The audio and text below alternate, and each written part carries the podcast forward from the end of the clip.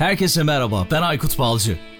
Teknoloji, iş dünyası ve dijitalde trendleri konuştuğumuz Dünya Trendleri Podcast serisinin yeni bölümüne hepiniz hoş geldiniz. Dünya Trendleri Podcast'in 72. bölümünden herkese merhaba. Bu bölümde yerel bölgelerdeki girişimlerin ne gibi sorunlar yaşadığından, fırsatların neler olduğundan ve değişen dünyaya nasıl ayak uydurduklarından bahsettik. Gerçekten çok güzel bir bölüm oldu. Umarım faydalanırsınız. Ben kendi adıma yine çok fazla faydalandığımı düşünüyorum. Eğer bizi dünya trendlerini sosyal medya ve Patreon hesaplarımız üzerinden takip edip desteklemek isterseniz podcast'in açıklama kısmında ilgili linkleri bulabilirsiniz. Hazırsanız 72. bölüme başlıyoruz. Bu bölümde doğduğu yer girişimcinin kaderi midir konusunu konuşacağız ve iki tane konuğum var. Biri pazarlama yöneticisi, aynı zamanda girişimci parkı kurucularından kendisini değer yaratan girişimci olarak adlandırıyor Enes Yiğit. Yine girişimci parkı kurucularından iş geliştirme yöneticisi olarak tanıdığımız Özgür Deveci'yi konuk ediyorum. Özgür ve Enes şu anda karşımdalar. Onlara kocaman bir merhaba demek istiyorum. Selamlar, hoş geldiniz Dünya Trendlerine. Hoş bulduk, teşekkürler. Hoş bulduk, teşekkür ederiz. Enes ve Özgür, ben de çok teşekkür ediyorum. Gerçekten son zamanlarda çok merak ettiğim ettiğim bir konuyu konuşacağız. Çünkü siz şu anda yanılmıyorsam Samsun'dasınız. Evet. Evet hocam doğru. İkiniz de. Doğduğu yer girişimcinin kaderi midir diye bir konu başlığı seçtik. Ve güzel bir bölüm olacak öyle hissediyorum. Girişimcileri zaman zaman ağırlıyoruz ve siz de farklı farklı girişimlerde evet. bulundunuz. Farklı farklı alanlarda girişimcilik konusunda çalışmalar yapıyorsunuz ama en iyi kendiniz anlatırsınız diye düşünüyorum kendinizi. Böyle sizi tanıyarak başlayalım sonra gerçekten güzel sorularım olacak size. Enes belki senle başlayabiliriz. Seni tanıyarak olur, başlayabiliriz. Olur seve seve. Çok teşekkür ederim. Enes Yiğit ben. Samsun'da yaşıyorum ve yaklaşık 3 yıla yakın e, girişimcilik tecrübesi var. Açıkçası bir çevre mühendisi e, okuyordum ben de. Çok daha yeni mezun oldum. Daha sonrasında da ama ilk okul sıralarında özellikle de girişimcilik beni gerçekten çok teşvik ettiği için burada bir şekilde faaliyetlere başladık ve yerel bölgede de girişimci olmanın tadını aslında oradan tattık. Öyle bir başlık seçtik. Girişimci Parkı'nın pazarlama yöneticisiyim ve halen faaliyetlerim devam ediyor. Kısacası böyle. Enes çok teşekkür ediyorum sana. Çok genç yaşta girişimci olmuşsun. Peki Özgür sen de hoş geldin. Özgür Deveci şu anda girişimci parkı kurucularından ve pazarlama iş geliştirme yöneticisi olarak devam ediyorsun. Tabii farklı farklı işlerde yapıyorsundur anladığım kadarıyla. Seni de tanıyabilir Tabii. miyiz Özgür? Tabii Özgür ben de Samsun'da yaşıyorum aynı şekilde. Girişimciler için inovatif çözümler geliştirmek üzere kurduğumuz Girişimci Park'ın iş geliştirme yöneticisiyim. Bilgisayar bilimleri, yönetim bilişim sistemleri ve yazılım geliştirme alanlarında çalışmalar yapıyorum. Daha önce Fraktis, Silikon Vadisi ve Hardware Plus gibi çeşitli medya kanallarında çalıştım. Sonrasında ise dijital medyadan e, bir teklif almam üzere oraya geçiş yaptım. Girişimcilikle tanışmamsa bundan aşağı yukarı 15 sene öncesine dayanıyor. Bu süre zarfında birçok girişim kurdum, birçok girişim batırdım. 2019 yılında da Universe for Society isimli bir ekosistemle tanıştım. Sonrasında sosyal ağlar olan bir tutkum vardı. Bu sayede Society ve Dreamwise olmak üzere iki farklı startup kurdum. Son olarak 2019 yılında gerçekleşen bir etkinlik vardı. Startup Weekend adında. Burada birinci olmuştum. Girişimcilik macerası genel olarak böyle devam ediyor. Hayatımızın bir parçası oldu. Hı hı. Çok tebrik ediyorum sizleri gerçekten. Girişimcilik hayatın her alanında var aslında ve son yıllar içerisinde Türkiye'de de girişimcilik konusunda önemli işler yapılıyor. İşte yurt dışına ne diyorlar? Exit exit diyorlar değil mi onlar? Böyle bir dil evet, var. Evet, aynen. Exit'ler yapılıyor. O dile alışamadım ben bu arada. Zaman zaman girişimcilerin yaptığı podcast'leri, programları takip ediyorum. Sizin kullandığınız o dilden çok fazla bir şey anlamıyorum. Ama e, mecbur da galiba onu kullanmak zorundasınız herhalde. Ya Ki... herkesin kendi sektörüne göre bazı jargon var aslında. Her Aha. sektörde bu vardır. Bizde de bu oluyor. Bazen mesela yabancı kaynaklı kelimeler de kullanıyoruz. E, ama herhalde batıdan gelen bir yani teknoloji oradan aldığımız için bazen dilimize dolaşabiliyor böyle şeyler. O ekosistem içerisinde kendi dilini yaratmış oluyor dediğin gibi. Ama böyle ben istiyorum ki bizim podcast'i dinleyen herkes anlasın. Yani o ekosistemin içinde olmayanlar da anlasın. O yüzden e, işte o yani öyle bir espri yapmak istedim. Peki şimdi Özgür senle başlayalım istersen. Tabii. Son dönemde bir de ödül aldığını söyledin. İşte bir Hı-hı. sürü girişimin var. Batırdığın girişimler de olmuş. Ama genelde şu soruyla karşılaşıyoruz. Bir girişim fikri olanların. Fikrim var ama param yok diyorlar. E, bunun için ne yapmalıyız diyorlar Diyelim ki benim bir fikrim var ama param yok. Ne yapmalıyım Özgür? Ya ben girişimciliği bir deneyimler bütünü olarak görüyorum. Yani başarılı bir girişim ortaya çıkarmak istiyorsanız öncesinde birçok başarısızlık elde etmiş ve bunlardan ders çıkarmanız gerekiyor aslında. İş dünyasının içerisinde kendini yetiştirmiş insanlar benim daha çok başarılı olacağına düşündüğüm girişimler olmuşlar her zaman. Ya peki tabii ilk sorunuza gelelim. Peki iş fikrim yok ama şey iş fikrim var ama param yok. Ne yapmalıyım? Ya bu son yıllarda o kadar çok duyduğum bir soru oldu ki yani girişimcilerden, kendi ağımızdaki insanlardan. Bir diğeri de enerjim yok, motivasyonum yok ya da ekibim yok gibi birçok soru olabiliyor buna ek olarak örnek verebileceğim. Bunların hepsinde hepsinin altında yatan aslında bir tane gizli özlemimiz var. Ona da bahaneler diyoruz aslında. Yani zaten herkesin parası olsaydı girişimci olurdu. Dünyanın önde gelen şirketlerine baktığınızda başarısız olduklarını görmezdik. Ancak teknolojinin yıldızlarından biri olan Google'ın bile 225 farklı girişim batırdığını biliyoruz. Hatta Hı hı. bununla ilgili Killed by Google diye bir web siteleri dahi var. Yani baktığınız zaman hala birçok girişimin orada tutacağını görebilirsiniz. Yani bu fikir nasıl batmış diyebilirsiniz. Ama bir şekilde Google bunu zaman içerisinde deneyimlemiş, bakmış, etmiş ama olmamış. Yani baktığınızda Google diyorsunuz. E, Para var mı? Var. Ekip var mı? Var. Yani yoksa bile istediği zaman binlerce kişilik bir ekip, bir departman kurabilir. Hatta son olarak biliyorsunuzdur belki Google Plus diye bir sosyal medya vardı. Bir Evet. vaka artık hani. ama şu Özgür- an hayatımızda yok. Google Efendim? Plus ben hangi konferansa gitsem böyle işte yabancı konuşmacılar gelirdi. Sanırım yabancı konuşmacılara Google Plus şey yapmış yani onlara böyle bir PR çalışması yapmış. Yabancı konuşmacılar Türkiye'deki işte konferanslarda Google Plus'tan bahsederlerdi. Çok ilerleyecek, çok iyi olacak, şöyle olacak, Facebook'u geçecek. Sonrasında hiçbir şey olmadı, ilerleyemedi yani. Enteresan gelmişti bana o. Aynen öyle. Yani param yok. E, para varsa Google'da var aslında. Yani istese yapabilir. Yani demek para değil demek aslında. Hani olay para değil. Yani paranızın olmaması aslında girişimci için bir sorun değil. Önemli olan risk alabilen biri olup olmadığınız. Yani Hı hı. bu noktada kendinize şu soruyu sormalısınız. Yani bir girişimcilere söylüyorum. 3-5 yıl belirsiz bir şekilde kendi işiniz için çalışmak mı yoksa sabit bir maaşla ömür boyu çalışmak mı? Yani bu sorunun cevabı sizi zaten ait olduğunuz yere götürecek. Zaten şöyle mesela bir başka örnek vereyim Özgür. Apple'ın podcast'i biliyorsun 2005'ten bu yana var. Apple Podcast. Aynen. Ama Apple ne yapıyor? Hiçbir şey yapmıyor yani. Orada onu açmış. Zamanında iPod'lara destek olmak amacıyla. Ve herhangi bir yatırım da yapmıyor. Öyle duruyor orada. Ama ne zaman ki işin içine Spotify gibi bir oyuncu girince podcastlerden örnekle gidiyorum. Ne yaptı Spotify mesela? YouTube'dan içerik oluşturucu içerik oluşturanları transfer etti ve ondan sonra satın almalar yaptı. Ufak şirketleri satın aldı. içerik oluşturan hosting şirketlerini satın aldı. Ondan sonra Apple'ın kafası biraz dank etti. Ha dedi yani işte benim de demek ki burada bir şeyler yapmam gerekiyor. Dediğin gibi yani Apple zaten podcast'i bulan çıkartan e, bir şirket. E parası da var Apple'ın ama o orada hiç bugüne kadar böyle bir, bir şeyler yapmadı. Ne zaman ki başka birileri yapmaya başladı o zaman bir şeyler yapmaya başladı ki hala da yeterli değil. Verdiğin örnek çok güzeldi gerçekten Google Plus örneği. Hı hı. Ya bir benzeri de şu an mesela Clubhouse olayında yaşanıyor. Yani bu zamana kadar Clubhouse'un türlü örnekleri vardı. Yani TeamSpeak diye bir uygulama vardı. Biz bunu 20 yılı aşkın süredir kullanıyoruz. 90'lı yıllardan beri kullanıyorum ben bunu. E şu an Clubhouse da aynı şey yapıyor aslında temel olarak baktığın zaman. Hı. Ama işte bir çıktı insanlar da reklamını yapmaya başladı. O da bir ilginç tarafıdır bu.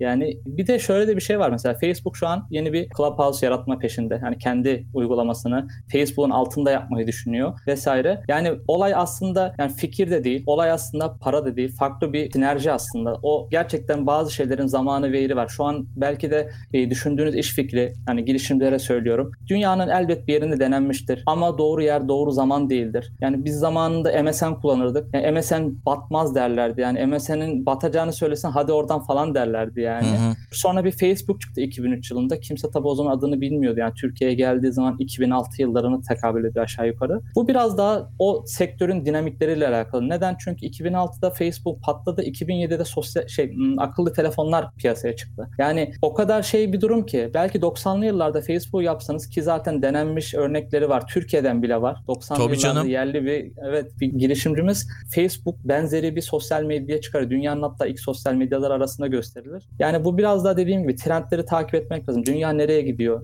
Bir değişim içerisindeyiz. Ve bu değişime de ayak uydurmak lazım. Yani temel olarak aynı soruya gelirsek iş fikrim var ama param yok. Ne yapmalıyım? Paraya ihtiyacınız yok. Devam etmelisiniz aslında. Olay bu. Hı hı. Yani işte biraz trendleri takip edip havayı koklayıp biraz yani yapılmış olan bir şey olsa bile orada farklı bir dokunuşla onu çok daha iyi hale getirebilirsin. Senin verdiğin örnekler Discord da var mesela. O da benzemiyor mu şeye Discord'da? Aynısı. Şeyin aynısı, Hiçbir işte.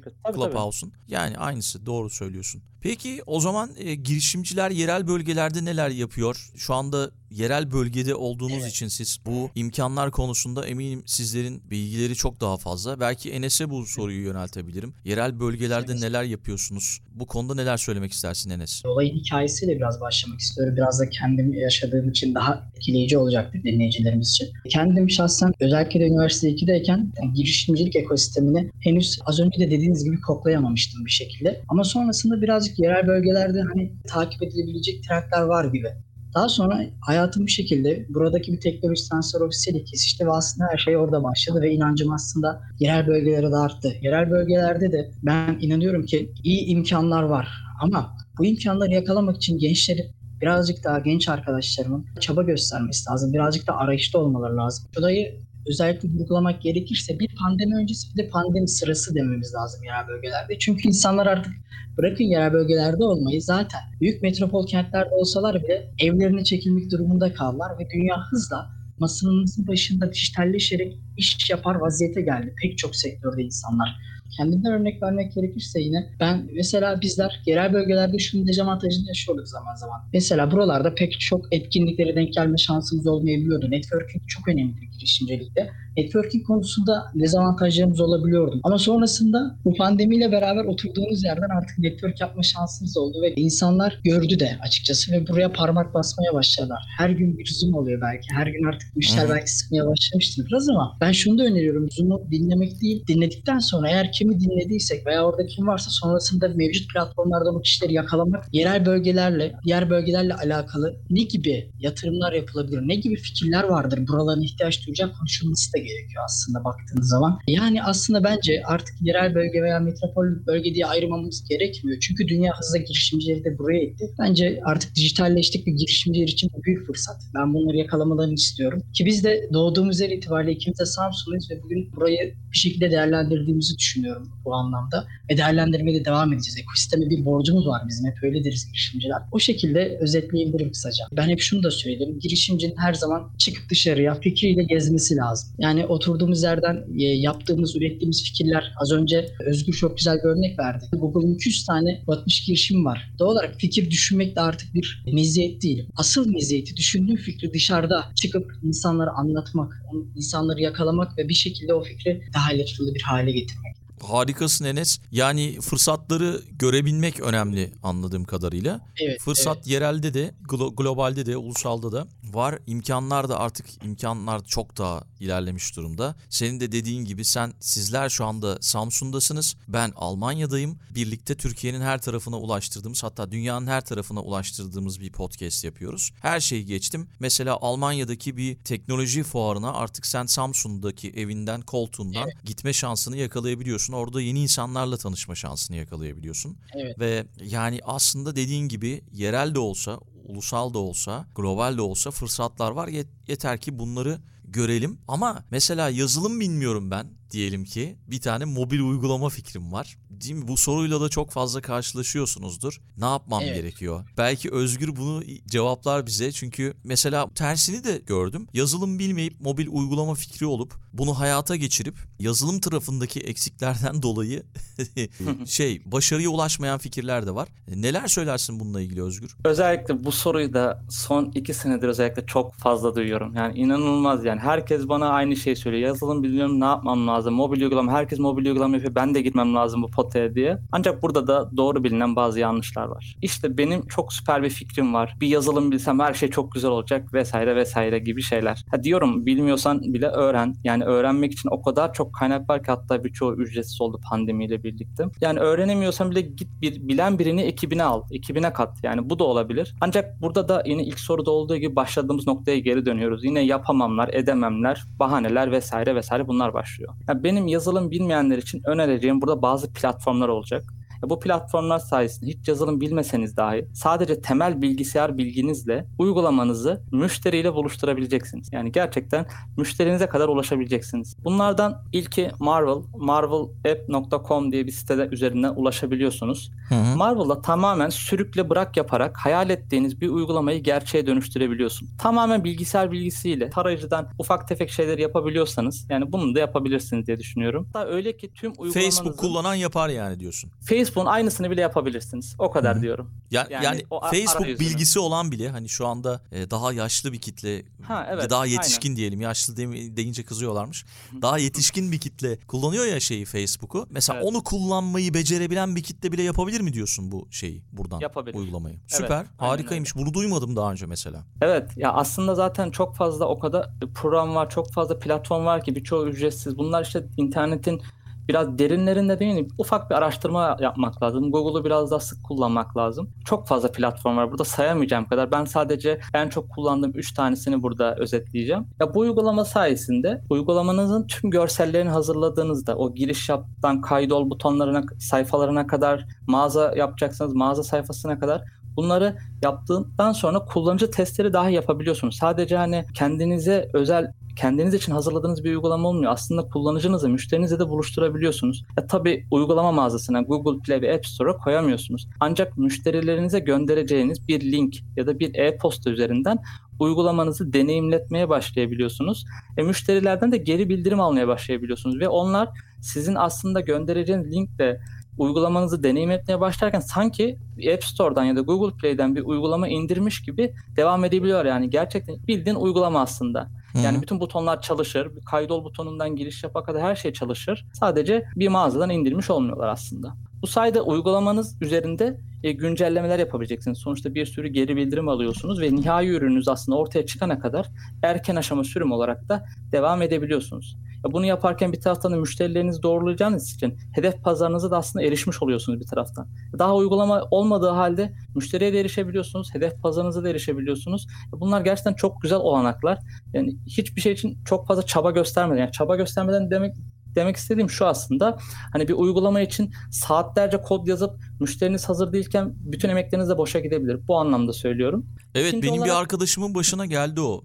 Bir fikri vardı ve sosyal medyada gücü var yani bu kişinin. Bu fikri hayata geçirmek için bir yazılımcı arkadaşıyla anlatıyor. O yazılımcı arkadaş da ben bunu yaparım diyor. Ondan sonra işte bu uygulamayı, application'ı hayata geçiriyorlar. O arkadaşım sosyal medya üzerinden bir post atıyor. 8-9 bin kişi yanılmıyorsam aynı anda indiriyor. Çöküyor sistem. Sistem çöküyor. Ondan sonra anlıyorlar ki bunu tek başına yapamayacağız. Bu yazılım şeyi, uygulamayı. Şu anda hala şeye çıkamıyor. Korkuyor yani. PR'ını yapamıyor şu an o uygulamanın. Yaptığım anda diyor yine çökecek muhtemelen. Öyle bir gücü var şeyde sosyal medyada. Çünkü kullanıcı testlerini daha önce böyle azar azar 10'ar kişilik, 20'şer kişilik, 100'er kişilik kapalı beta testlerini yapsaydı mesela Hı, e, evet. patlamayabilirdi. Biraz da deneyim elde ediyorsun aslında. Sistemini de güncelliyorsun. Senin hayal ettiğin sistem başkalarının e, distopyası olabilir. Yani bu noktada aslında fikrimize aşık olmamamız lazım. Müşterilerimiz ya da aslında bu biraz garip bir tabir olabiliyor bazen. Kullanıcılarımız ne isterse ona göre şekillendirmemiz lazım. Bu noktada ikinci Bak, olarak da En güzel örneği şey bu Clubhouse'a örnek verebiliriz yani. Bak o da Tabii, şu direkt, anda aynen. Değil mi? Şey yapıyor test aşamasında. Herkesi açmadı. E, Farklı bir marketing e, stratejisiyle ilerliyor. İşte o bu sırada insanların oturup fikirlerini alıyorlarmış şeyleri girişimciler. Oda açıyorlarmış ve işte insanlar orada yorumlarda bulunuyormuş. Şunu da yapsanız iyi olur, bunu da yapsanız iyi olur. Şurada sorun yaşadım, burası kötü olmuş gibi gibi. Geri dönüşleri de dikkate alarak ilerliyorlarmış, geliştiriyorlar hala işte. İki diyordun sen. Evet, Clubhouse örneğinde şöyle de bir şey var. Evet bu biraz test gibi oluyor ama bir taraftan da cazip oluyor aslında. Yani öyle de bir yan etkisi yarattı. Yani onlar için tabii güzel bir etki oldu. Yani kapalı olması insanları daha çok cezbediyor. Yani şu an e, sanki Clubhouse'da bir odada bir chat'e katılmaktan ziyade Clubhouse'a girebilmek bir başarı gibi görülüyor yani. Bunu zamanında Facebook yapmıştı. Belki mesela Social Network filmini izlemişsiniz. Orada da anlatıyor. Aynen. E, orada da mesela Harvard mailiyle e, Facebook'a üye olabiliyordum ve bu insanlara cazip geliyordu. Yani bu tarz şeyler aslında sosyal medyada belki de işte yeni trendler böyle devam edecek. Hani girişimcilere buradan tavsiye belki böyle olunabilir. E, Android mesela kullanıcılarına açılmadı. E, bu da mesela daha çok cazip hale getirdi. Yani garip bir şekilde herkese ücret- ya- açık yapmıyorsun ama daha çok ilgi ilgi çekiyor insanlar tarafından. Şöyle Enes ve Özgür ikinize de söylüyorum. Yani şey ben bir arkadaşıma davet yolladım Clubhouse'ta. O da yani çok büyük bir marifetmiş gibi bunu Twitter'dan paylaştı. İşte sonunda girdim Clubhouse'a. Aykut Balcı çok teşekkür ederim falan. Allah Allah dedim ne oluyoruz ya? Nereye girdin yani? Sanki şey çok büyük böyle lordlar kamerasına girmiş gibi. Anladın mı? Yani Ondan çok sonra güzel örnek verdiniz. Direkt aslında direkt Lordlar kamerası gibi bir şey oldu şu an. Ya yani şöyle ondan sonra bana 8-10 kişi Twitter'dan yazdı. Kimisi şey Davet yapıyor. alındı. Arka, arkadaş gibi işte bir şeyler soruyor önce. İşte podcastlerinizi çok beğeniyoruz şöyle böyle. Sonradan şey diyor. E işte Clubhouse'a nasıl girebiliriz acaba falan. Veya direkt şey isteyenler de bana da davetiye yollar mısın? Clubhouse'a girmek istiyorum. Hemen arkadaşımı aradım. Ya dedim ne yaptın sen? Yani bu Niye bu kadar büyütülecek bir şey yok bunda? O da hemen ya bana da yazıyorlar şu an dedi. Sonra o postu kaldırdı ama enteresan bir şey oldu yani böyle. Ya bu arada şöyle de bir durum var. Hani girişimciler, girişimci kafasından söylüyorum. Ben bu işin biraz ticaretine döner diye düşünüyordum. Daha henüz girmedi. Ya tabii buradan da biraz böyle hırsıza kapı açmak gibi oluyor. Hani davetiyeler şu an mesela arkadaşlardan falan geliyor. Twitter'dan falan isteyenler oluyor. Ama tabii bunun daha bir belki bir satışı olabilir mi diye de bir ara düşünmüştüm. Yani birileri Yok yapanlar varmış zaten. Yapanlar Ha, varmış. varmış. Vay ben geri Tabii, tabii. burada demek. Yapanlar varmış yani yurt dışında da sat- satıyorlarmış öyle bir durum söz konusu. Ama şöyle işte mesela şu anda bunu bize konuşturuyor olması bile o ağızdan ağza pazarlamanın en güzel örneklerinden biri. Hani girişimcilere örnek verdin ya Özgür. Gerçekten bu e, fısıltı yoluyla pazarlama diye bir şey var. Onun en güzel Evet, örneğini abi. yapıyorlar yani şu anda Hı hı. gerçekten. Aynen öyle.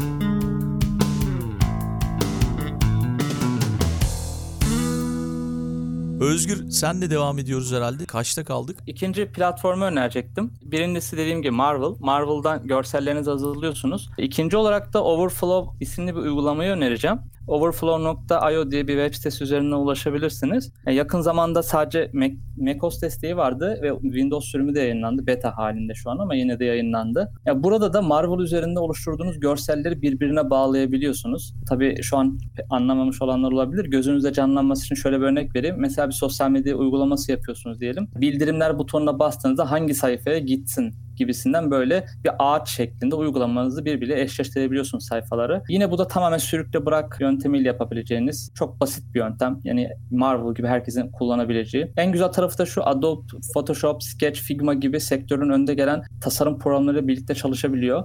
Yani, yani görsellerinizi illa Marvel üzerinde hazırlamanıza gerek yok. Yani Photoshop üzerinde hazırlasanız da bu platforma direkt aktarabiliyorsunuz. Şu an aslında çok güzel bir noktaya geldik. Yani uygulamamızın tasarımlarını hazırladık, müşteriye sunduk, kullanıcı testleri aldık, sayfalarımızı birbirine bağlattık. E son olarak da e, biz Zeppelin diye bir uygulamadan bahsedeceğim üçüncü olarak. Bu uygulamada yazılımcılarla tasarımcıların yaşadığı iletişim problemlerini çözüm bulmayı hedefleyen bir platform. Hem macOS hem Windows desteği sahip olan bu uygulama sayesinde web tarayıcısı üzerinden de ulaşabiliyorsunuz aslında. Sadece uygulamanın program indirmenize gerek yok. Yine Hı hı. bu da aynı şekilde Adobe, Photoshop, Sketch, Figma gibi platformlarla çalışabiliyor. Import edebiliyorsunuz yine tasarımları. Hatta şu an dünya çapında aklıma gelenler Airbnb, Slack, Starbucks, HSBC bunlar hala Zeppelin kullanmaya devam ediyorlar. Ya bu üç platform sayesinde aslında girişimin için altın değerinde hayat kurtaran uygulamalar bunlar. Hem sizi yazılımcı arayışından kurtaracak hem de belki de tutmayacak bir proje için aylarca emek harcamak zorunda kalmayacaksınız. Zira etrafımızda çok fazla insan görüyoruz bu durumlarda mesela. Yani iki yıl boyunca yazılımlarını geliştiriyorlar ancak ortada daha müşteri yok. Yani ürününü bitiriyorsun, mağazaya koyuyorsun sonrası hayal kırıklığı, motivasyon düşüklüğü ve kaçınılmaz olan o ekibin dağılmasıyla sonuçlanıyor. Bir de Özgür şöyle bir durum var. Şimdi zaman zaman işte diyelim ki bir fikrin var veya bu fikri hayata geçirmek için bir yazılımcıya anlatıyorsun bu fikri. Ama işte yazılımcı tam olarak senin dediğini anlamıyor veya tasarımcı ile yazılımcı arasında bir çatışma oluyor gibi bir şey dedin yanılmıyorsam. Aynen öyle. Zaman zaman ben bunu arkadaşlarımdan böyle yazılım tarafında iş yapanlarla veya işte o fikri oluşturanlarla konuşurken yaşandığını gördüm. Çünkü şöyle oluyor. işin büyük bir kısmını diyelim ki o fikri ortaya çıkartan yapıyor ama hayata geçiren de yazılımcı. Belli bir zaman sonra aralarında şöyle bir şey oluyor. Yazılım tarafı şey diyor. Ya bu işi ben yaptım diyor. Öteki tarafta olur mu diyor sen hiçbir şey yapmadın hani bu işin ana kısmını ana şablonunu ben çıkartıyorum diyor. Böyle şeylerle karşılaşılıyor mu peki? Çünkü neden diyeceksin? Sonuçta yazılımcı da belli bir zaman sonra işin her şeyini öğrenmiş oluyor. O fikri gidip başka bir yerde de uygulayabiliyor daha sonra. Şöyle aslında Zeppelin'in çıkış hikayesini anlattınız biraz. Bu, bu arada Zeppelin bir yerli girişim. İstanbul'da Öyle mi? başladı hikayesi. Ha onu bilmiyorum. Tabii. Yani 2014 yılındaydı yanlış hatırlamıyorsam. İstanbul'da başlıyor bunların hikayesi. Sonra dünya ünlü, ünlü bir VC fonu var. E, Y Combinator galiba. Onlardan yatırım alıyorlar. San Francisco'ya taşınıyorlar. Yani Zeppelin ort ortalıkta e, bir sorun vardı. Yazılımcı tasarımcı arasındaki sorun var. Bu sorun çözdü ve sektörün şu an yani bir numarası gibi bir şey oldu diyelim. Hani yine karşılaştırmak gibi olmasın ama ya dünya ünlü artık firmalar kuruyor. Yani Starbucks'ına, Slack'ine, Pinterest'ine, Braze'ine. Bu büyük bir sorundu ve bu sorun çözüldü artık. Yani birçok yani bu platformu kullananlar açısından çözüldü diyebilirim. E çünkü artık yazılımcı kendi işini yapıyor, tasarımcı kendi işini yapıyor. Zeppelin bunları ortak bir noktada buluşturuyor diyebilirim. O zaman süper. Yani tabii girişim sektörü içerisinde olanlar bu söylediğim platformları çok çok iyi biliyorlardır ama bilmeyenler için de bir yol gösterici oldu bizim için. Mesela ben bilmiyordum. Değerlendireceğim bunu. Çok teşekkür ediyoruz Özgür. Enes senle devam Evet. edelim istersen. Yerel bölge Tabii, ve evet, metropol kentlerde girişimcilik fırsatları nasıl değişiyor? Gerçi Tabii. ilk sorduğum soruda birazcık hani e, fırsatları görmek lazım. Her yerde fırsat var demiştin ama Doğru. yani yerel bölge metropol arasındaki farkları şöyle bir bize anlatsan iyi olur diye düşünüyorum. Artık insanlar gerçekten az önce size bir örnek verdiniz. Almanya'da da olsanız yani bir iş fikri konuşulacağı zaman rahat bir şekilde telekonferans yöntemiyle bir araya gelebiliyorlar ve bunu konuşabiliyorlar ve sonucunda artık bir değere de ulaşabiliyor insanlar. Doğal olarak şimdi metropol kentlere geleceğim. Şimdi metropol kentlerde de aslında birazcık da tabii ki pandemiden önce insanlar bu tür toplantılarda daha çok böyle bir yerden bir yere seyahat etmek durumunda kalıyorlardı. Ya metropol adı üstünde trafik oluyor, o oluyor, bu oluyor ve gerçekten aslında bir girişimcinin en önemli anahtarı olan zamanı değerli kullanamıyorlar girişimciler. Ama şimdi metropol kentler ve yerel bölgelerde yavaş yavaş aslında eşitlenmeye başladı. Tabii ki işin bir de diğer boyutu var. Pek çok programlar yaşarmaya başladı girişimcilerin kendi geliştirmeleri için. Bu programlar özellikle hem devlet destekli olabiliyor hem de zaman zaman özel programlar olabiliyor. Bu özel programlar artık yerel bölgelerdeki insanların da ulaşabileceği düzeye geldi bu, bu sayede olduğu için. Yani az önce pek çok örnek platform verdik. Artık bu örnek platformların dışında girişimcilerin iş fikirlerini en başından alıp belli bir hatta A'dan Z'yi diyebilirim. A'dan Z'ye geliştirebilecekleri ve hatta ilk faturaya götürebilecekleri programlar daha çok yeşermeye başladı ve artık yerel bölgede olsanız bile bunlara ulaşma fırsatınız doğdu. Aslında burada birazcık yerel bölgenin avantajına da değinmek istiyorum ben. Çünkü Türkiye'nin yerel bölgelerinde ben potansiyel olduğunu görüyorum. Ama bu zamana kadar pek çok insanda hep şu yargı oluştu. Ya işte büyük şehirde değilim, küçük şehirdeyim, buranın halkası bu. Ne kadar çabalasam da işte o olmaz, bu olmaz. Ama artık bu yargıları bence kenara bırakabiliriz. Çok samimi söylüyorum. Çünkü dediğim gibi artık sizin sadece iş fikrinizi geliştirmeniz için bir internet ve bir bilgisayar hatta telefona ait olmanız artık yeterli yerel bölgede de olsanız. Onun Hı. dışında bu artan programların tabii ki şöyle de bir avantajı oldu girişimciler için. Hemen hemen tabii ki her programın iş fikrini geliştirmesi için belli başlı beklentileri olabiliyor. Her programa her girişimci dahil olamayabiliyor. Bunun için de bu skala arttıkça girişimler için farklı fırsatlar doğmaya başladı. Bunları tabii ki iyi takip etmek lazım. Hangi programa, hangi ne bileyim transfer ofisine daha yakınsa projeniz bunları takip edip başlamak gerekiyor. Çünkü girişimcinin genelde en zorlandığı alan da aslında fikirden sonraki adımdır. Yani fikirden sonra hangi adım atacağını aslında bu sayede birazcık daha girişimciler keşfedebilir ve bu fırsatı değerlendirebilir. Sonra ilerlemeye devam ettikçe de e, biz girişimcilikte bir ölüm vadisi dediğimiz bir uçurum vardır aslında. Bu ölüm vadisi de yerel bölgelerde bu zamana kadar e, özellikle yaşadığım için söylüyorum çok büyük korku olmuştur. E, bir müddet de önceki startup'ımda da ben de karşılaşmıştım. Belli bir scale up diyoruz hocam. Yani belli bir yükseliş yakalıyorsunuz ve daha sonra yerel bölgedeki işte dezavantajlara odaklanıp kalıp o yükselişi birden kaybediyor aslında girişimci. Ama aslında fark etmiyor ki kafada kaybediyor onu. Hı hı. oraya değinmek istiyorum. Doğal olarak da bu tür yargılar birazcık aranıp bence daha çok fikrimize odaklanmalıyız ve etrafımız fırsatlara aslında daha böyle evrensel yaklaşmalıyız. Kesinlikle bence doğduğumuz yer kaderimizdir muhabbetine girmeden ki konumuz da o aslında. ilk baştaki temalarımızdan biri de o. Birine göre kaderimiz olan bazı durumlar hala olacaktır ama artan ve hızla gelişen dünyada bu kaderle başa çıkma olasılığımız da ben arttığını düşünüyorum şahsen. Sana katılıyorum. Artık yerel bölge daha avantajlı. Çünkü metropol kentlerdeki girişimcilik fırsatlarıyla aralarındaki uçurum kalkmış durumda bu pandemiyle birlikte. Onu gördük çünkü. Yani dijitalleşme ile birlikte. Bence yerel bölge daha avantajlı. Niye daha avantajlı? Çünkü orada maliyetler daha az bir kere. Zaman daha fazla kazanıyorsun. Her yere ulaşma şansın var artık. O yüzden fırsatlar bence yerel bölge değerlendirirse eğer daha fazla diye düşünüyorum. Bilmiyorum Özgür nasıl düşünüyor? Serdar Kuzuloğlu'nun bir sözü geldi. Sen treni kaçırmış bir milletin çocuğusun diyor ya. Evet. Aslında bizim ülke bizim ülkemizde de aslında o var. Biz çok daha fazla çalışmamız lazım. Yani bazı insanlarda şu var. Bu sözü yanlış anlıyorlar. Ya treni kaçırdık. Treni kaçırdıysak yapacak bir şey yok. En fazla el sallayabiliriz. Aslında öyle değil. Treni kaçırdıysan demek ki daha çok koşman lazım. Doğru söylüyorsun evet. Aynen. Bir de şöyle bir durum var. Özellikle hani tabii ki biz şimdi burada biraz girişimcilik odaklı konuşuyoruz ama ya tabii ki herkes girişimci olmak zorunda değil ama şuna da yönelebilir insanlar. Yani kaliteli girişimciler hem yerel bölgelerden çıkabiliyor hem metropollerden çıkabiliyor ama bu girişimcinin şöyle bir sorunu da oluyor. Genelde yolun başında aslında bizim çok yeni bir iki gün önce bir yayında dinlemiştim. Oradan örnek vereceğim. Şimdi biz girişimciler yolun başındayken 3 A denilen bir kural var. Yani aile, akraba işte yerine göre de işte başka nereden destek bulduysak bir şekilde girişim belli bir aşama gelene kadar belki aylarca bir şekilde bir yerden desteklemek durumunda kalıyor girişimciler. Şimdi bu raddede zaten fikre zar zor bütçe buluyorken ne yazık ki ekip arkadaşlarınız da sizin gibi aslında orada gönüllü emek vermek durumundalar. Ve pek çok işte ne yazık ki buraya odaklanmak yerine bir an önce işimi bitireyim, okulumu bitireyim, hemen kurumsal bir firmada işe gireyim ya da çok farklı farklı amaçlar. Aslında birazcık tabii ki kurumsal bir işe de girelim ama zaman gerçekten var aslında iyi bir yönetim yaptığımız zaman. Kurumsal işimizin yanında bence böyle girişimci insanların yanında onlara da destek olmalıyız aslında. Yani bir fikrin en önemli yapı taşlarından biri ekiptir. Yani metropolü de yereli de avantajlı duruma geçirecek de o girişimcinin sahip olduğu, sahiplenen bir ekip ruhudur aslında. Herkes girişimci olmayabilir ama bence herkes bir hayale ortak olabilir ve o hayalde iyi bir iş çıkarabilir. Zamanla da oturaklı bir hal alabilir o fikir. Tahmin edilmeyen yerlere de ulaşabilir. Bunu da böyle eklemek istedim.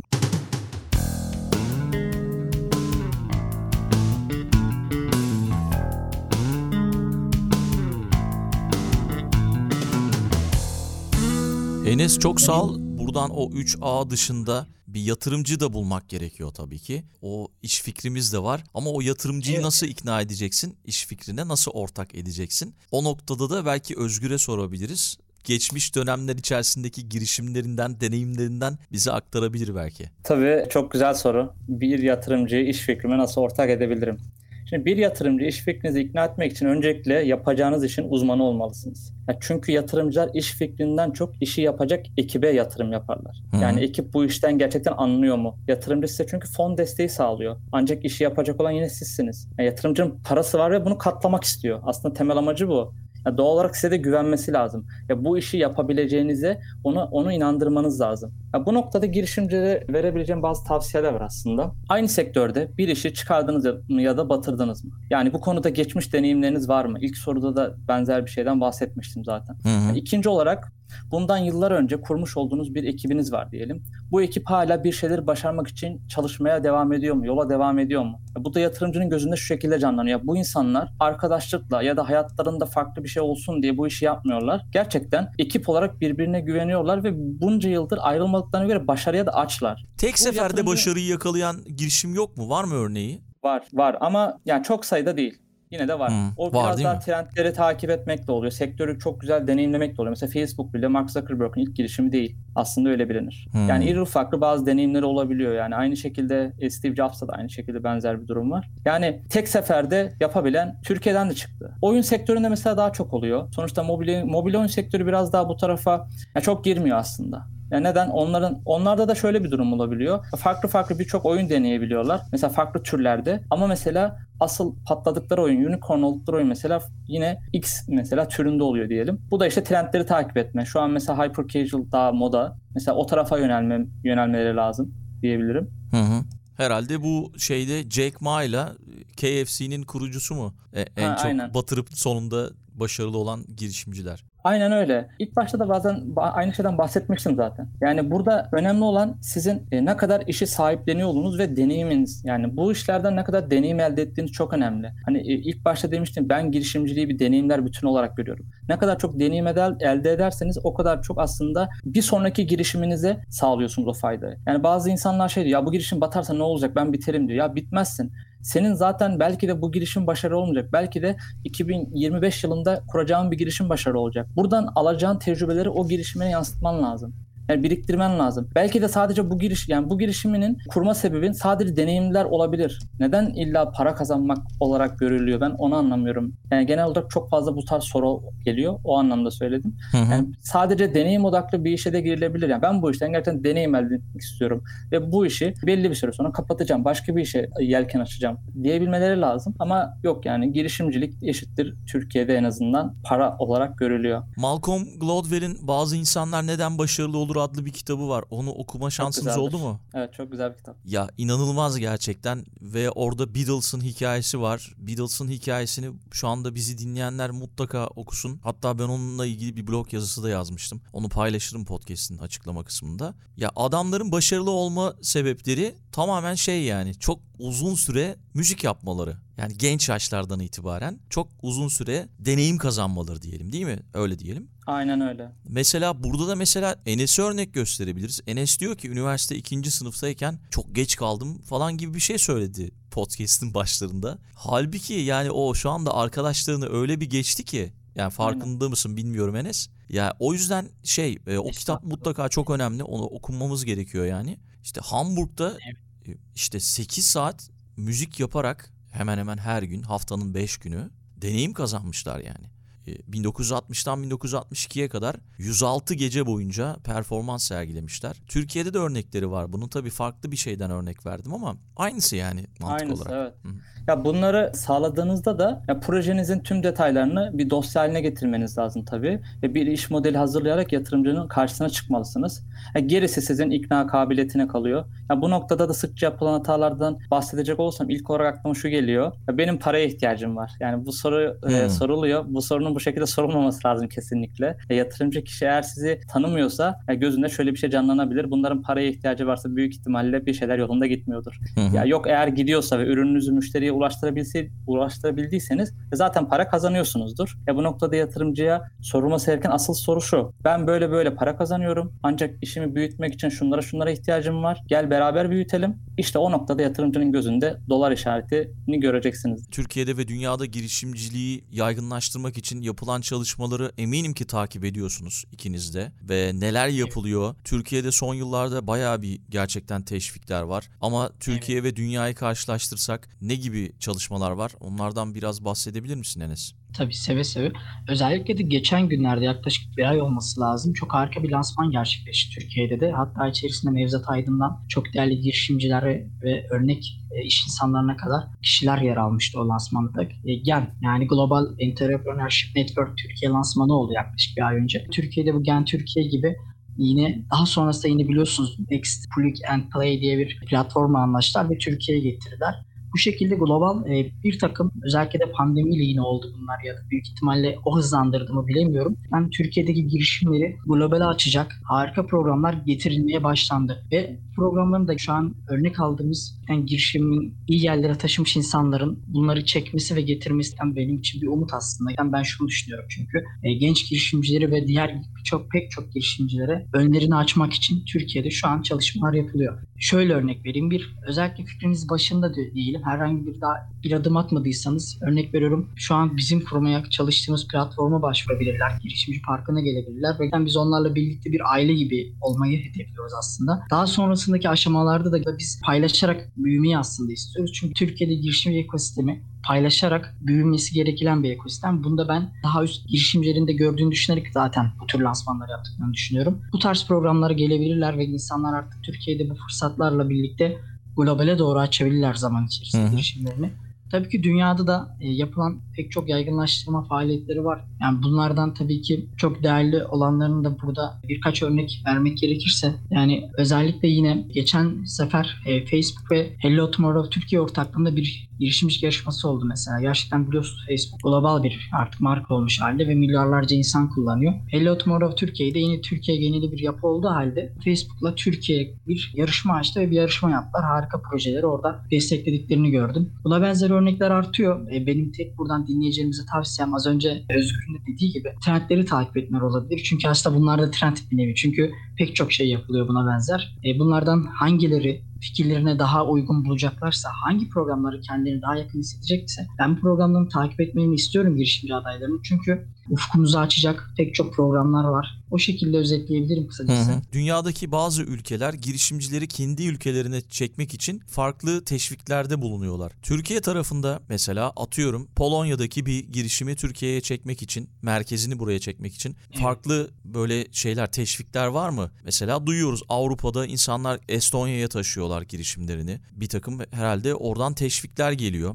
farklı ülkelere taşıyorlar. Finlandiya'ya mesela ya da işte İsveç örneğini verdik. O ülkelerin bu anlamda girişimcilere destekleri var. Türkiye'nin bu alanda çalışmaları var mı? Bunları takip ediyor musunuz? Her ikinize de sormuş olayım. Ben e, şöyle bir şey söyleyebilirim. Hızlandırma programları var aslında. Mesela bizim e, az önce bahsettiğimiz Zeptun uygulaması Y Combinator aracılığıyla Amerika'ya taşındı.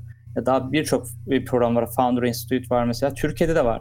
Mesela İTÜ Çekirdek var. Hindistan'dan gelen girişimler var. Mesela Türkiye'de Ha, e, süper. işlerini büyütüyorlar. Tabii e, Kozon var mesela. O da Ankara'da. Yani orada da e, büyük yani Avrupa'dan e, ne kadar sayıda olduğunu bilmiyorum ama Asya'dan, Avrupa'dan, dünyanın Afrika'dan, dünyanın MENA bölgesinden keza dünyanın farklı bölgelerinden birçok girişim Türkiye'ye geliyor. Ya burada olay şu biraz e, hızlandırma programımızın etkisi, büyüklüğü e, ve gerçekten de büyümeye devam ediyoruz. Mesela İTÜ Çekirdek dünyanın en büyük ilk beşinde diye hatırlıyorum. Tam emin değilim hani net bilgi olmasın ama Hı hı. e, çok büyük bir girişimcilik e, ekosistemi var orada ve içerisindeki girişimlerde çok fazla değer yaratıyor. Yani her yıl zaten Big Bang'de dağıtılan milyonlarca ödül. E, keza yatırımdan bahsediyoruz burada. Benim bu noktada hani söyleyebileceğim net bilgi bu olurdu. Yani daha çok hızlandırıcılarla bu işler yürüyor. Yani Amerika'ya mesela bizim taşınmamız da aynı şekilde mesela. Keza mesela Universal Society e, çatısı altında mesela bir finalist e, olmuştum o sene. E, her sene mesela Growth Circuit aracılığıyla Amerika'ya girişimler taşınıyor. E, orada bir eğitim alıyorlar. Sonrasında tabii büyüdükleri takdirde şirketleşme aşamalarına gidebiliyorlar. E, genel olarak bu işler hızlandırıcılar aracılığıyla yürüyor diyebilirim. Peki Amerika'da olmak, Silikon Vadisi'nde olmak bir avantaj değil mi Özgür? Ya şimdi şöyle aslında e, o konu şu an Amerika'da sorun. Yani gerçekten büyük bir tartışma konusu. E, e, Birçok girişim Silikon Vadisi'ne ayrılıyor. Bu 2020'de çok fazla oldu. Bazı girişimler Dallas bölgesine taşındı. Bazı girişimler Manhattan'a taşındı. Hawaii'ye de var galiba. Evet. e, ya şöyle kiralar çok fazla artıyor. Ama bu artık girişimler için çok fazla sorun olmaya başladı. Hmm, Yani o açıdan Türkiye'de düşünmedim. Tabii tabii yani Türkiye'de mesela e, bir odalı bir yer için ödeyeceğiniz rakamı orada aylık 5000 dolar falan kira ödüyorsunuz. Yani ve birçok girişim gerçekten büyük girişimler taşınıyor. Yani eski şeyi kalmıyor gibi. Ya tabii büyük girişimler yine var. Yani Facebook gibi ya daha büyük e, girişimler hala orada ama böyle orta seviye girişimler, küçük girişimler biraz daha farklı bölgelere de gidiyor. Çünkü artık şöyle de bir şey var. Bazı bölgeler var Amerika'da. Ya gerçekten mesela teknoloji girişiminden Boston mesela aslında Silikon Vadisi'nin daha öndedir. Mesela bu çok bilinmez. Hani Silikon Vadisi biraz daha böyle marka gibi oldu ya. Hani herkes Silikon Vadisi'ni biliyor. Ama mesela Boston'daki teknoloji şirketi daha fazla. Ve bu şekilde Silikon Vadisi oraya göçtür oluyor. Ve mesela adam Silikon Vadisi'ne 5000 dolara kira veriyorsa orada 2000 dolara kira buluyor mesela bir evin kirası. Sonuçta yaşaması lazım, lazım. Bu da girişimlerini etkiliyor. Bu tarz yürüyor diyebilirim orada da. Vallahi çok güzel bilgiler aldık. Her ikinize de çok çok teşekkür ediyorum. Girişimcilik Parkı'nı takip etmeye devam edeceğiz. Belki kitap önerileri yapabilirsiniz bizi dinleyen podcast severler için. Ondan sonra da veda eder kapatırız. E, ben bir tane öneri yaparım bu konuda. Aslında benim hayatıma olumlu etkisi olmuş e, bir kitaptır. E, Morinek kitabını öneririm ve sonra da ikinci olarak da Outliers yani çizginin dışındakiler kitabını da mutlaka öneririm. Diğer önerileri de Özgür'e bırakmak isterim. Şimdi benim önereceğim kitaplardan birisi Zengin Baba Yoksul Baba olur. Kiyoski'nin kitabı. Diğeri de Sıfırdan Bire diye bir kitap. O da Elon Musk'ın sevdiği üç kitaptan biri. Çok güzel bir kitaptır. Ben girişimciliğe ilk adım attığım zaman okumuştum. He, hala bile okurum, devam ederim. Çok güzel bilgiler var içerisinde. A- Ansiklopedik bir kitap aynı zamanda. Sözlerimi şununla bitirmek istiyorum. Jack Ma'nın bir sözü. Kendisi çok sevdiğim bir sözdür. Hani girişimcilere bir örnek olması açısından. E, Jack Ma diyor ki başarısız olmam önemli değil. En azından başkalarına örnek olabilmişimdir. Ben başarısız olsam bile birisi mutlaka başaracaktır. Bunu da buradan söylemiş olayım son kez. O zaman ben de bir söz, son söz söyleyebilirim. Rahmi Eyüpoğlu diyor ki en azından diyor üç dil bileceksin. En azından üç dilde ana avrat dümdüz gideceksin. En azından üç dil. Çünkü sen ne tarih ne coğrafya ne şu ne busun oğlum vermiş diyor. Sen otobüs kaçırmış milletin çocuğusun diyerek ben de buradan son sözlerimi yani e, bizler o kaçırılan otobüsü az önce Özgün dediği gibi daha çok koşarak yakalayacağız. Çalışacağız, çalışacağız, fırsatlara açık olacağız ve gerçekten de bir hayal de kuracağız. Eğer bir hayalde e, başarılı olamıyorsak da mutlaka birinin hayaline bence ortak olmalıyız ki gerçekten e, hep birlikte daha hak ettiğimiz yerlerde yer alabilelim. Teşekkür ederim bizi davet ettiğiniz için Aykut Hocam. Çok sağ olun. Ben de teşekkür ediyorum aynı şekilde davetleriniz için. Rica ediyorum ben de. Ben de sizlere teşekkür ediyorum. Son sözleri de aldık. Süper bir kapanış oldu. O zaman buluşmak üzere, görüşmek üzere. Hoşçakalın.